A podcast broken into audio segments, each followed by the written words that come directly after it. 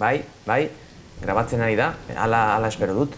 Em, JM Etxeberria naiz, arbizu enea deritzon kasuaren inspektore nagusia, azkar azkar e, testu inguruan jartzeko, mila behatziun talarrogeita seiko azararen hogeita bateko gauerdian, Jose Maria Darbizu pianista ospetsua hila aurkitu zuten bere etxeko logelan. E, bere eriotzaren inguruko arrazoi nagusia, hasiera hasieratik hilketa izan da, miren e, Karmele Arrieta emaztearen eskutik. Ustezko hitzaileak hogein labankada eman zizkion, hain zuzen ere bere senarrari. E, krimenari buruzko galdeketan ordea, susmagarri nagusiak honakoa adierazi zuen eta bere deklarazioa zuzenean irakurriko dizuet. Ez, ez naiz nizan, nire senarra baizik, gaueko amabiak aldera, natura ez gaindiko indar batzuk bere harimaz jabetu eta indar horiek behartu zioten hogei labankada horiek ematera. Arbizu enea delako sarrerako atean nago une honetan. Nere helburua etxe bizitzan sartu eta inorako jarduera paranormalik ez dagoela ziurtatzea da. Eta balio dezala soinu grabazionek lekuko gisa.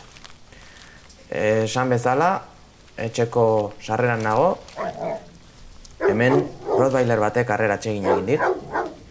Jolas eh, moduan, txokolatina bat botako diot, eskuartean daukadana, txakurra bere bila alde egin du, zenean etxeko skait burura jotzea erabaki dut, atea ireki eta itxi egin dut. Argia piztu dut. Nere posiziotik piano handi bate gobernatutako egon ikus dezaket, baina ez dago inor. Jarraian, gela ezberdinak ikuskatuko ditut. Aurrena, gonbiatuen gela da, argia piztu dut, ez dago inor. Urrengo gelbialdia, baino nagusia da, inorez, sukaldea, inorez, beste gela bat, inorez, minutu bat, falta da, gaur dirako, eta ta hemen ez dago inor. Ez dago inor, ez da logela nagusian ere. Hauxe, izan zen krimena gertatu zen tokia. E, lasai, lasai, ez dago zertan beldurtu, hori e, korridoreko erlojua da, gaueko amabia direla iragarriz. Ordu honetan, zerbait gertatu beharko litzateke beti ere susmagarriaren bertsoaren arabera. Ta hemen, ba, bantzuten duzuen moduan, ez da, ez da zer pasatzen. Denbora. Txoit, txoit, txoit. Ez zuten alduzue? Katu baten miauka dirudi. Ba dirudi egon gelati datorrela. Urbilduko naiz. Gerturatu ala, piano baten teklen soinua entzuten hasi naiz. Nere glok amazazpia guztiz karratuta dagoela konprobatuko dut. Rutina bat, besterik ez, ez dut erabiliko noski. Ara, hortxe, hortxe arrazoia. Katu xandar bat ahi da pianoaren tekletatik pasatzen. Rorbailerrak, rorbailerrak, gela bateko kristala hotxi duela uste dut.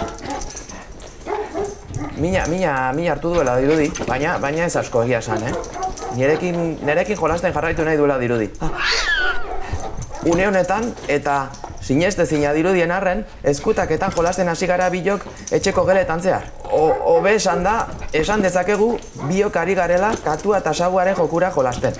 Txakurrak katuaren rol hartu du, eta ni ba, ni ba, ba saguarena. Be, be, beretako katua ba, ba, ba, hortik ibiliko da, ez da.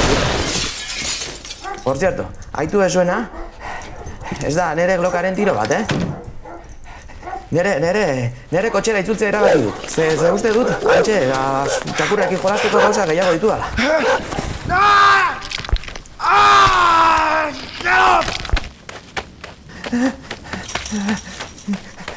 Autan! Autan nago, autan nago, autan nago. Ez da ze pasatzen, ez da ze pasatzen, ez da ze pasatzen. Ah, ah, ah. Honakoa altartuko dizuet. Enuk esango etxe horretan jarduera paranormali dagoen. Baina bai, gauza bat ziurta de diesazuket. Txakur batek geni oso txarra duela. Eta gatu bat, gatu bat pianoa jotzeko gai dela. Gabon.